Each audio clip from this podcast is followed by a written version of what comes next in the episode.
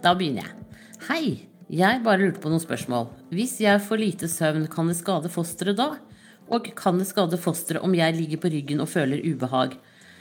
Kan jeg drikke smoothie fra butikker som ikke er pasteurisert, og som er svensk f.eks.? Er det ok med grillkrydder med gurkemeie i? Er det toksoplasmose i mus og rotter? Skal på en hytte og vet det har vært der. Og skal bruke dyner osv. som mange andre har brukt. Er dette trygt? Har sår på hendene pga. at de er tørr. Er det noe smitte jeg kan få gjennom det? Og er det trygt at jeg vasker med klor osv. med hendene og fått antibac i såra og tatt krem der jeg har sår osv.? Kan jeg bruke de meste vaskemidler?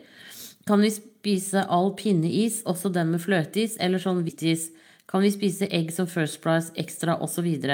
Og gjør det noe om det er oppbevart i romtemperatur? Er karri trygt? Er alle solkremer trygge? Er hundeoppkast trygt hvis f.eks. hunden min kaster opp og jeg må vaske det opp? Ble litt mange spørsmål. Takk for den gode jobben du gjør. Det var mange spørsmål. Eh, jeg tenker at du har så mange spørsmål, så du burde skaffe deg jordmor. Eh, og inne på nettsidene til alle kommuner så skal det stå en oversikt over jordmødrene og hvordan du kan få deg time der. Så det syns jeg du skulle gjøre. Men nå skal jeg svare. For lite søvn kan ikke skade fosteret, men det er jo veldig plagsomt for deg. Er, og du er mer trøtt når du er gravid, så derfor så er det viktig å sove nok. Så det må du prioritere. Eh, hvis du ligger på ryggen og blir svimmel av det, så skal du ikke gjøre det, for da er det vena cava. Og det kan du lese mer om inne på Alt for mamma. Eh, smoothier som ikke er pasteurisert, skal jo egentlig være trygge, men for å være på den sikre siden, så bør, bør den nok antageligvis være pasteurisert. Alternativt så kan du jo lage det sjøl, for da vet du at det er av ferske, fine frukt og bær og juice og sånn. Eh, jeg kan ikke tenke meg at grillkrydder med gurkemeie kan være skadelig. Eh, mus og rotter har vel med seg mye annet eh, rart enn nødvendigvis toksoplasmose. Så jeg ville i hvert fall ha gjort det rent. Og da brukt hansker, eventuelt munnbind hvis det er mye muselort, for da kan det komme litt opp i luften. Uh, og dyner og puter som mange andre har brukt, det skal jo være trygt, det. Fordi at det, uh, er veldig lite av bakterier og sånn som overlever noe særlig i sengetøy. Selv ikke lus gjør det. Uh, hvis du har sår på henda, så hvis det er åpne sår, så kan du få smitte rent nøkternt sett gjennom det. og så det, må du ikke bruke klor rett på hendene på huden. Da blir du forferdelig sår. Så hvis du bruker sterke vaskemidler, så må du bruke hansker. Ehm, det er superviktig, for det at du Sår er jo inngangsporter til infeksjon. Eh, hvis det er fordi du har en jobb hvor du må bruke dette her, så må du i hvert fall sørge for at eh, sjefen din gir deg hansker. Hvis ikke sjefen kan gjøre det, hvis det er vanskelig å gjøre det, så må du um, eh, eh, bli omplassert eventuelt. Og da går det an å søke om noe som heter svangerskapspenger. Um, så derfor så syns jeg liksom det, det, er faktisk Altså det er greit å bruke det meste av vaskemidler, men du må utstyre deg tilsvarende. Altså med hansker. Er det vaskemidler som er veldig sterke, så kan det hende at du også skulle hatt uh, um, ja, munnbind og sånn. Men det kan du se inne på stami.no, som er Statens arbeidsmiljøinstitutt. Er ikke det dere? Ja. I hvert fall, Der står det en del om sånne ting. Eh, det går fint å ta, selvfølgelig ta krem i sår osv. når du trenger det. Har du mye sår, så bør du snakke med fastlegen din eh, og eventuelt legge en plan for hva som er bra for deg. Eh, is skal stort sett være greit, både saftis og fløteis. Og egg, og egg som også er oppbevart i romtemperatur, skal være greit. Men det er klart at nå når det er full sommer, så kan det jo hende at de har bedre av å være i kjøleskapet. Eh, karri er trygt, og alle solkremer er trygge. Hundeoppkast, da bør du også bruke hansker når du vasker det opp. Alt, alt, som er på en måte eh, si sånn avfall, eh, oppkast, avføring, sånne ting, da bør man alltid bruke hansker. Eh, med mindre det er babybæsj, da, selvfølgelig. Men eh, der er du ikke helt enda. Da ønsker jeg deg riktig lykke til videre, og tusen takk for at du følger meg her. Ha det bra! Og så er det gravid med PCO som sier Hei, Siri, takk for podkasten din. Har fått så mange svar av deg. Ja, men det var hyggelig. Men jeg mangler fremdeles noen. Det var jo bra, da. Jeg er gravid i 7 pluss og har null og har PCOS. Har prøvd å bli gravid med nummer to siden mai i fjor, og nå satt den endelig etter at jeg begynte på Metformin i mars. Fant også ut at jeg har PCO, og sliter med å produsere insulin.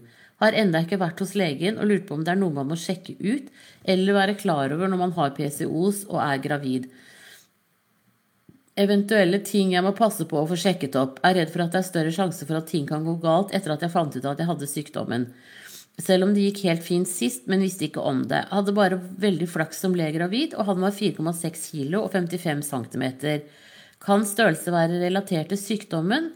Har en BMI på 24 og er 24 år. Tusen takk for svar. Håper å få litt ro og oversikt, og så mye kontroll over situasjonen som jeg burde. Står veldig lite om dette på nettet.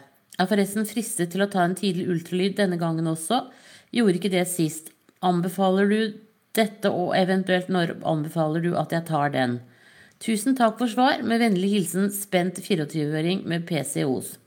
Ja, og det er helt riktig det at du faktisk skal følges opp litt ekstra. Så jeg syns du skal ta kontakt med fastlegen din, og da kan det hende at du eh, får en tidlig ultralyd gjennom eh, det offentlige. Så, så, eh, det tenker jeg er viktig. Og du skal selvfølgelig fortsette på metformin mens du er gravid også. Eh, frem til legen din eventuelt sier noe annet. Eh, PCOS er jo en sånn eh, metabolsk altså Det er jo en sånn sykdom som er hormonell. Og påvirker hormonene dine. sånn at det er viktig å følge med på insulin og, og Gud, nå står det jo helt stille. Altså blodsukkeret ditt eh, gjennom graviditeten. Så ta, få rask kontakt hos fastlegen, få time nå til uka. Eh, og så legger dere en plan sammen. Eventuelt at fastlegen henviser deg til fødestedet ditt, eh, hvor det er spesialister. Enten på graviditet eller på metabolske sykdommer. Det, og det er indremedisiner. Så det tror jeg er eh, mitt beste råd til deg. Eh, du kan selvfølgelig ta ultralyd når som helst nå, det du får se da, er et bankende hjerte, men kanskje ikke så veldig mye mer. Eh, fordelen med å ta ultralyd er jo at privat er jo at makkeren også kan være med. For det får du jo ikke pga. covid nå i, privat, nei, i offentlig regi. Men da vil jeg liksom ja, kanskje vente til nærmere uke tolv, for da er fosteret helt på en måte Alt er på plass. Og proporsjonene begynner å bli litt bedre. De har fortsatt et ganske stort hode. Men da kan man jo liksom telle fingre og tær, og det er litt mer å se på. Um, men aller først, fastlegen din. Finne ut er det, skal du på noe tidlig ultralyd gjennom systemet, eller er det noe du bør gjøre privat. Um, og jeg tenker at det som bør måles hos deg, er jo langtidsblodsukkeret. Uh, Førstemann var jo ganske svær, men det kan jo hende at dere også er lange av vekst. Og jeg tenker at Eh, han har jo vært proporsjonert siden han var 55 cm lang. Eh, og det er mer sånn tykkelse som kan oppstå med de når, de er, eh, når det er svangerskapsdiabetes inne. Så ja. Jeg tenker at du skal følges opp, og det skal legges en plan. Da ønsker jeg deg riktig lykke til videre, og tusen takk for at du følger meg her. Ha det bra! Og så er det gravid med PSO. Hei, meg igjen. Glemte å legge til. Hadde mensen den 10. april og fikk positiv test forrige uke og målte 1700 HCG hos legen på tirsdag. Er veldig usikker på hvor langt jeg er på vei, ettersom jeg ikke helt har troa på at jeg er i uke 9 til 10 ennå. Selv om mensen ville tilsi at jeg er det. Aner jo ikke når jeg hadde eggløsning, og har bare hatt tre mensen tre ganger på ett år. Igjen takk for svar. Dette er også en av grunnene til at jeg er fristet på tidlig ultralyd Jeg er veldig spent på hvor langt jeg er på vei. Ja, men da burde jo legen din burde jo, Siden du var der på tirsdag, så burde jo legen din Da må du, snak, du må få ny time hos legen din, og så må dere lege et løp sammen. Eh, det fins noe som heter Fødselsveilederen. Der tror jeg det står om PCOS bl.a., som legen din kan ta en titt på. Det fins liksom helt klare retningslinjer for dette. Eh, det er også en lukket del på Norsk helseinformatikk for fastleger. Og jeg tipper at han eller hun abonnerer på den. Eh, og det er klart at eh, du burde jo da vært sendt på ultralyd for, nettopp for å få vite hvor langt du har kommet på vei. Det hadde vært hensiktsmessig. Så mm, ring legen, få time og eh, få litt skikkelig hjelp. Da ønsker jeg deg riktig lykke til videre, og tusen takk for at du følger meg her. Og så er det gravid uke 23 pluss 3 som sier Hei, Siri. Først og fremst, tusen takk for en fin tjeneste. Tusen takk, det er veldig hyggelig å høre. Jeg er gravid i uke 23 pluss 3 og synes dette med liv i magen er litt forvirrende og skummelt.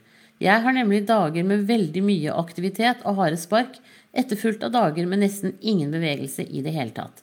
På dagene med mindre bevegelse kjenner jeg alltid noe, men veldig mye svakere og mindre. Er dette normalt? Det er verdt å nevne at morkaken min er plassert foran. Ja, dette er helt normalt. Og det vil du på en måte oppleve gjennom hele graviditeten. At hvis babyen har vært veldig aktiv, så blir den sliten dagen etter. Eh, det er helt logisk. Det gjør jo vi òg. Eh, så det, det, begynner tidlig i livet, kan vi si. Eh, og det at morkaken er plassert foran, det gjør jo at den virker som en pute. Sånn at når babyen ligger og, og si, liksom sparker rett inn i morkaka, så er det ikke så lett å, å, å kjenne de bevegelsene. Eh, det samme gjelder når babyen sparker inn langs med ryggraden. Er, der er vi heller ikke så følsomme. Så her er det flere elementer som spiller inn. Um, men jeg tenker at eh, det at du kjenner liv hver dag, det er egentlig nok. Um, og det er ikke før altså sånn, I uke 32 så begynner babyens hode å gå ned i bekkenet. Og da blir det litt lettere å kjenne babyen eh, Da legger den seg liksom, da er den litt sånn man kan si, litt sånn likere, da. Eh, og da, da, er det lettere å kjenne likere bevegelser også. For da snur de seg som regel bare fra side til side og ikke hele veien rundt, sånn som den fortsatt kan gjøre hos deg. Så dette høres helt normalt ut. Og du er jo i uke 23, ja. Da ønsker jeg deg riktig lykke til videre, og tusen takk for at du følger meg her. Ha det bra. Og så er det Bente som sier hei. Er førstegangs gravid og er veldig usikker rundt dette med graviditet, da jeg har mistet tre ganger tidligere før uke 12. Er nå i uke 26. Har de siste tre ukene kjent en del bevegelser, og jordmor sier at jeg burde kjenne det hver dag nå. Går dager der jeg ikke kjenner noe, så skal jeg si ifra. Hun er selvfølgelig på ferie denne uken, og tirsdag og onsdag kjente jeg ingenting. Ble derfor veldig redd og ringte først fastlegen som sa at det var helt normalt å ikke kjenne hver dag så tidlig. Fikk ikke helt, helt god følelsen, så ringte Ahus. De var også rolige og mente at det var tidligere og null stress. Kjente heldigvis bevegelser i dag, men når er det egentlig man skal kjenne bevegelser hver dag, og når burde man reagere? Hvor ofte i løpet av en dag burde man kjenne bevegelser etter at det er vanlig med hver dag? Eh, det er en nettside som heter kjennliv.no. Eh, der kan du gå inn og så få lese om alt dette her på, og få nøktern og god informasjon. Jeg tror kanskje egentlig det er det beste rådet jeg kan gi deg. Eh, samtidig så er For dette, den, den sier noe om liksom utviklingen. og det er nøkternt sett ikke før i uke 28 at man skal kjenne bevegelse hver dag. og som jeg sa til hun forrige også, at det er, veldig, det er, veldig, varierende i forhold til hvordan babyen ligger. Og babyen ja, har fortsatt veldig god plass i uke 26.